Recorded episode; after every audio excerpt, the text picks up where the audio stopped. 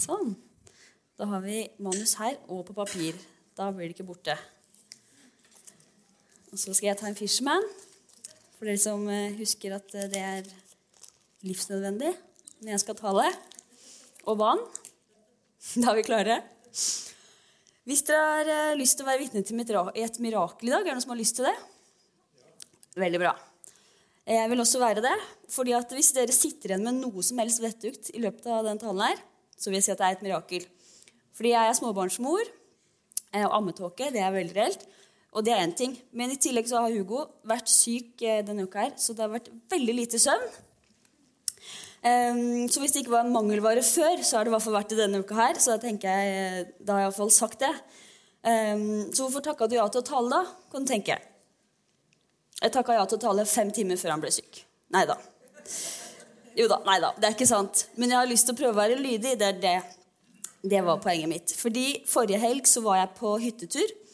Eh, og både på veien opp og når jeg var på en trilletur opp på hytta, så fikk jeg eh, den samme tanken når jeg hørte på to forskjellige sanger. Og det var egentlig ikke hovedessensen i noen av sangene, men jeg liksom beit meg merke i noe. Eh, så jeg tenkte oi, dette er kanskje en tale jeg skal holde en dag.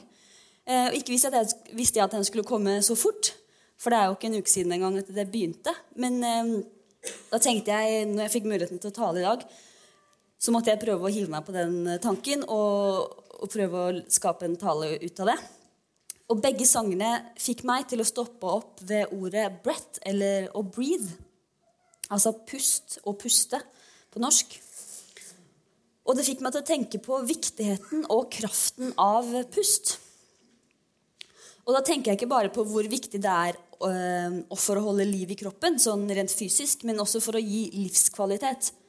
Fordi å puste det gjør jeg hver dag eh, hele dagen, hvert sekund. kan du kanskje tenke, Og det er helt sant, det er ganske enkelt å puste, egentlig. Men det finnes ulike situasjoner som gjør at pusten er ekstra viktig. Og det finnes mer riktige og mindre riktige måter å puste på. Eh, Tine.no, altså Melka, de skriver en artikkel som heter eh, 'Å puste riktig er viktig'. Og Der skriver de at rett pust kan gi økt lungekapasitet, mindre stress og en bedre holdning. Skal vi se.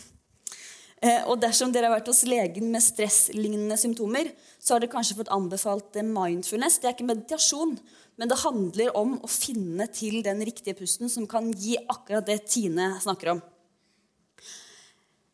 Altså mindre stress og alt dette.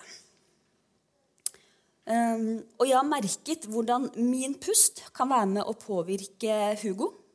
Blant annet når han skal sove. Vi bysser han fortsatt i søvn. Og hvis vi bysser han i søvn og er litt stressa sjøl, litt urolig og litt, liksom, bare tenker sånn 'Nå må du sove', og bare stresser oss opp, da er det nærmest helt umulig å få han til å sove. Men hvis vi klarer å finne roen, puste rolig med magen, så sovner han mye fortere. Eh, og forrige gang jeg talte her, det var på nett, men da var det syv uker til fødsel. Det viste seg å være ni. Det var langt, langt på overtid. Og det er jo det største som, har, største som har skjedd siden sist. Det er at denne buksa her passer igjen. det gjør den også, men det, ja, det var jo ikke det største. fordi vi skal se på det største, så kan vi jo se på det bildet. Oi, det var litt dårlig bilde, men uh, litt vondt å se på det bildet. Jeg visste ikke at Fredrik tok det bildet. For ellers hadde jeg nok smilt litt mer. Men eh, det er altså meg som ligger eh, noen få timer før Hugo blir født, og puster og puster og puster. Fordi fødsel det er det jeg vil kalle the power of pust. Jeg kan gå så langt som å si at Hugo han er pusta til livs. Hadde, han hadde ikke vært her uten pust. Det hadde for så vidt ingen av oss. Men eh, det eneste som var igjen i kroppen min de siste timene, Eh, var tanken på å puste. Jeg kunne blitt tilbudt en milliard kroner uten muligheten til å takke for med annet enn å puste.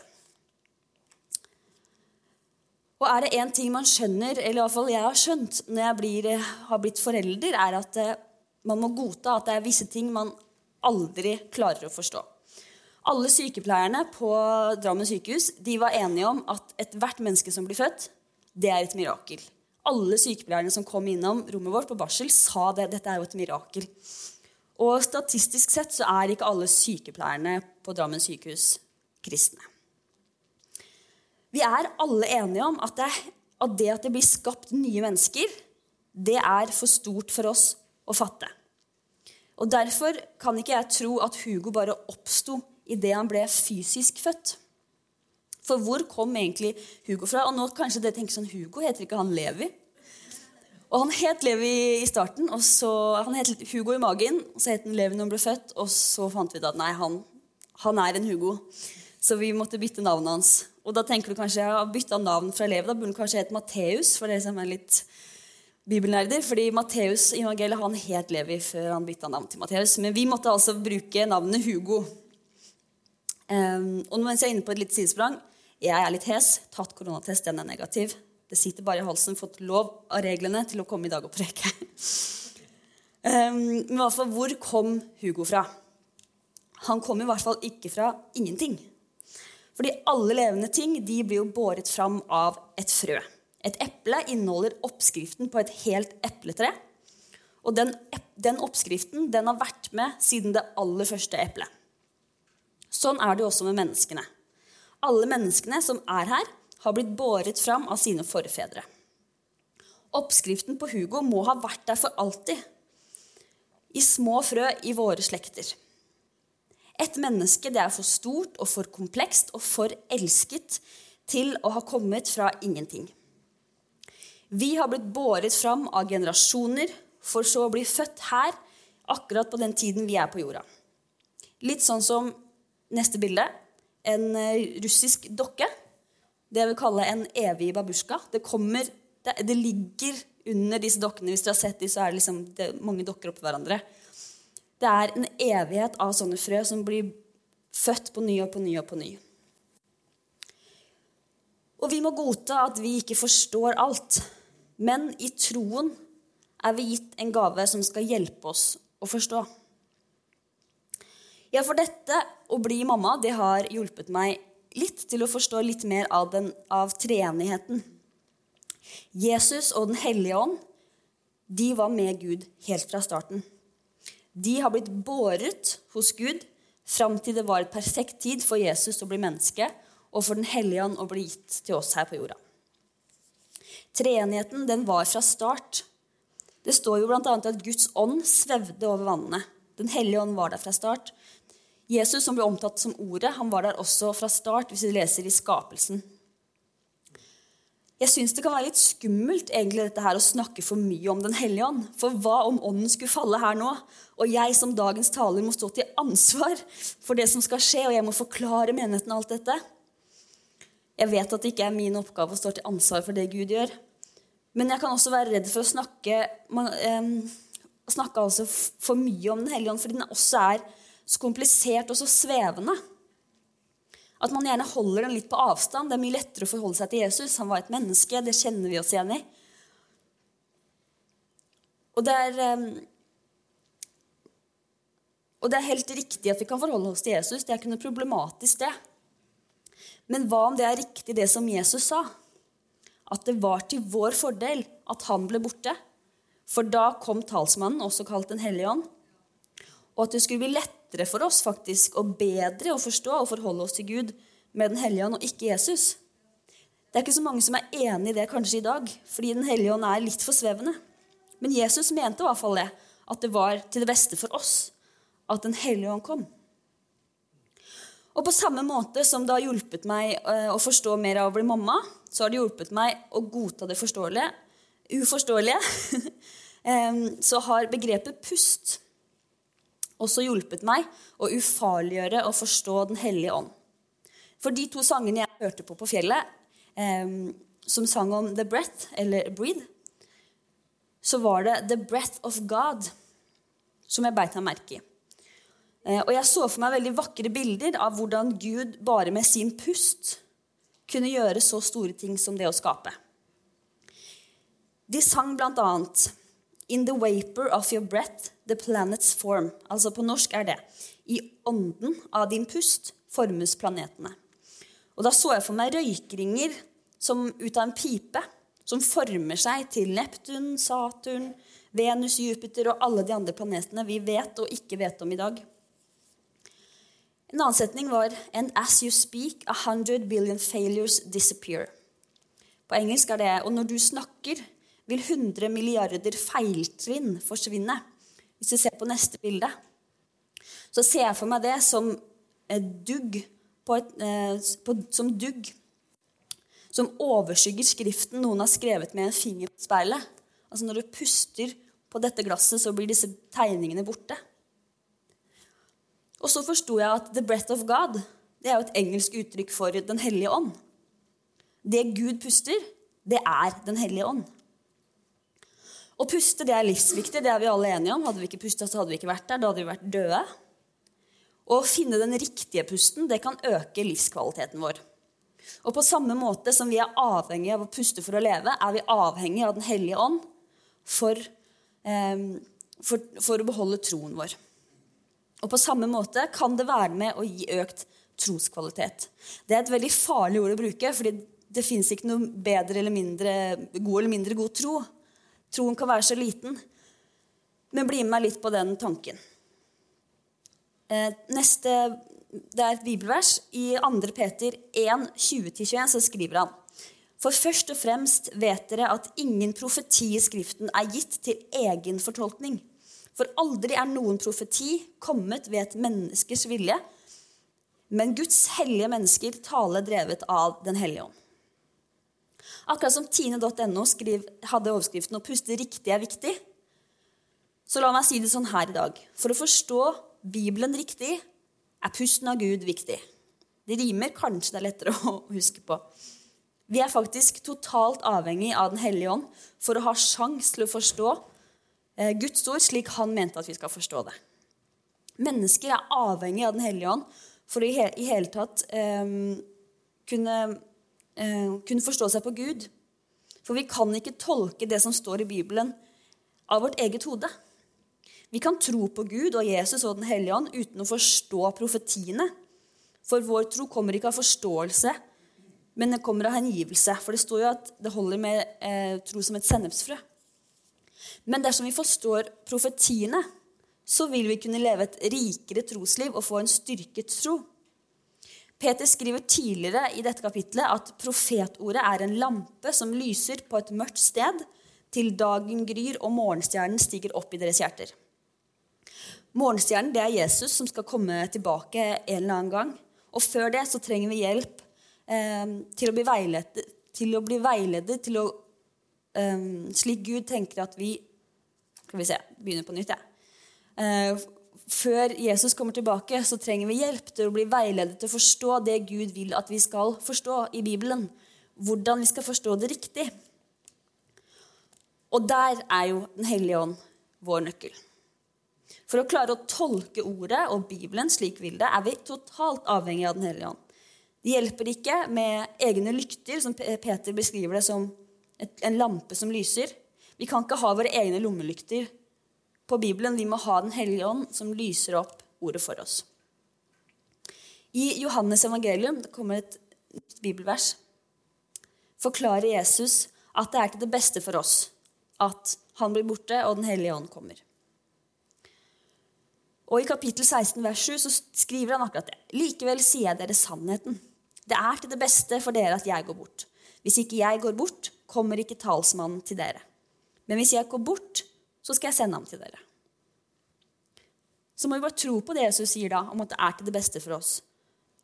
Så skriver han videre i vers 12-13 noen oppgaver som Den hellige ånd har. Og Det er mange forskjellige, men blant annet så skriver han Sier han, og det står skrevet, Jeg har ennå mye å si dere, men dere kan ikke bære det nå. Men når Han, sannhetens ånd, kommer, skal Han veilede, veilede dere til sannheten. For han skal ikke tale ut ifra seg selv, men det han hører, skal han tale. Og han skal forsyne dere de ting som skal komme. Jesus lister som sagt opp flere ting som Den hellige ånd har til oppgaver. Men eh, en av de er å åpenbare sannhetene for oss. Og Noen av disse sannhetene har vi kanskje hørt veldig mange ganger. Men det er noen sannheter som vi må høre på nytt og på nytt og på nytt. Vi kan si det sånn at Den hellige ånd puster nytt liv i de gamle sannhetene. Den setningen som satt sterkest i meg, den sangen jeg snakka om, det er um, as, And as you speak, a hundred billion creatures catch your breath. Altså når du snakker, så, så mottar 100 milliarder um, skapninger din pust. Nå er det faktisk bare 82 dager til julaften. Er det noen som teller? Ingen som teller. Jeg føler noe som heter juleglede på Instagram. Der, eh, jeg begynte å følge det nå, men jeg tror de har hatt siden det var sånn 120 dager til julaften, så har de lagt ut bilder hver dag med julestemning og juletrær og alt som er. Um, jeg har ikke jeg har begynt helt ennå, men jeg har våkna med julestemning sikkert ti ganger de siste to ukene. Fordi det begynner å bli kaldt og lukter litt sånn deilig og kaldt ute. Så du skjønner, så elsker jeg julen. Og julen det er en tid for tradisjoner, og de, tradisjonene er ekstra viktige i jula. Så når NRK laga en ny adventskalender for noen år siden, så ble jeg ganske skeptisk. Jeg ville ha rødnissen og blånissene og Skomakergata og alt dette, men jeg skjønner at det, det blir nye tider. Så når 'Snøfall' ble sendt på TV, så var jeg ganske skeptisk. Jeg er ikke favoritten ennå, det får være lov å si det, men, men eh, julenissen i 'Snøfall' han hjalp meg faktisk til å forstå litt mer av Den hellige ånd. For julenissen han har en eh, eske med tomme julekuler. Og når han leser opp ønskelista fra barna, så blåser han på disse tomme julekulene til de begynner å lyse. For at barna skal få oppfylt ønskene sine. Og det er altså bare julenissen sin pust som har denne evnen. Det var flere andre som prøver, men det er ingen andre som får det til. Det er bare julenissen sin pust som har den evnen. Akkurat sånn så jeg for meg at Gud skapte liv i skapningene. Og kun Gud. As you speak, a hundred billion creatures catch your breath. Når Gud snakker, så får skapningene, eh, så mottar skapningene Guds pust. Han snakket, han pustet, og det fikk liv. På samme måte så puster også Den hellige ånd liv og lys inn i de gamle sannhetene og kun Den hellige ånd. The power of pust, mine damer og herrer. Ikke at jeg har skapt verken Hugo eller hans pust. Han ble skapt i meg, riktignok. Men slik som jeg følte jeg pustet liv i Hugo, så puster også Den hellige ånd nytt liv i de gamle, evige sannhetene. Og det er slik man kan bli født på ny, ikke som et nytt menneske, men som et menneske med ny forståelse av Guds sannheter som alltid har vært der, og som alltid vil være der. Slik jeg også tror at Hugo og du og jeg kommer fra en evighet og er på vei til en evighet. Og For å forklare oss mer, så kan vi, og så vi kan prøve å forstå, i hvert fall nok til å skape en tro, og kanskje en styrka tro, så har vi blitt gitt Den hellige ånd. Som puster nytt liv i sannhetene for oss. Jeg har sagt det mange ganger, men Den hellige ånd puster nytt liv i sannhetene for oss. Og det gjør at det hele gir mening, selv om vi ikke klarer å se sammenhengen. Selv om, vi, klarer, selv om vi må godta at det er mye vi ikke forstår, så kan vi se litt mer av sammenhengen. Som kristne så kan vi si at vi har blitt utstyrt med åndelige lunger. Bra. Jeg glemte også å vise dere det bildet. Kom jeg på. Veldig bra. Um, at de har blitt utstyrt med åndelige lunger. Ja. Lunger trenger oksygen for å puste. Så bare pass på at den luften, den oksygenen som du puster, er Guds pust. Den som gir lys og liv og sannhet, og som styrker vår tro og gir oss troskvalitet og livskvalitet. Puster han? Han hadde snublet og lå altfor stille. Han puster, sa de. Åh, jeg pustet lettet ut. Det finnes ikke noe bedre tegn på liv enn pusten. Og det finnes ikke noe bedre verktøy til å forstå Gud enn Den hellige ånd. Kjære Jesus, takk for at du har eh, dødd på korset for oss, og at du er smartere enn oss, eh, og at du visste at det er til det beste for oss at du døde, for da har vi fått Den hellige ånd. Vi ber deg, Hellige ånd, om at du skal fylle hjertene våre, tankene våre, og forståelsen vår med din forståelse. Takk, Gud, for at du har skapt alt på en sånn unik måte at vi eh, alltid har noe vi kan strekke oss til og få svar fra, som alltid er tilgjengelig for oss. Jeg ber om at vi skal eh, skjønne det litt etter litt, eh, og gradvis, men at vi kommer til å forstå det mer og mer, Gud, jo mer vi er med deg, jo mer vi eh, bruker tid med Bibelen og lovsang. Jeg ber om at vi skal gå styrka herfra i dag med både Gud, Jesus og Den hellige ånd i hjertene. Eh, kjære Jesus. Amen.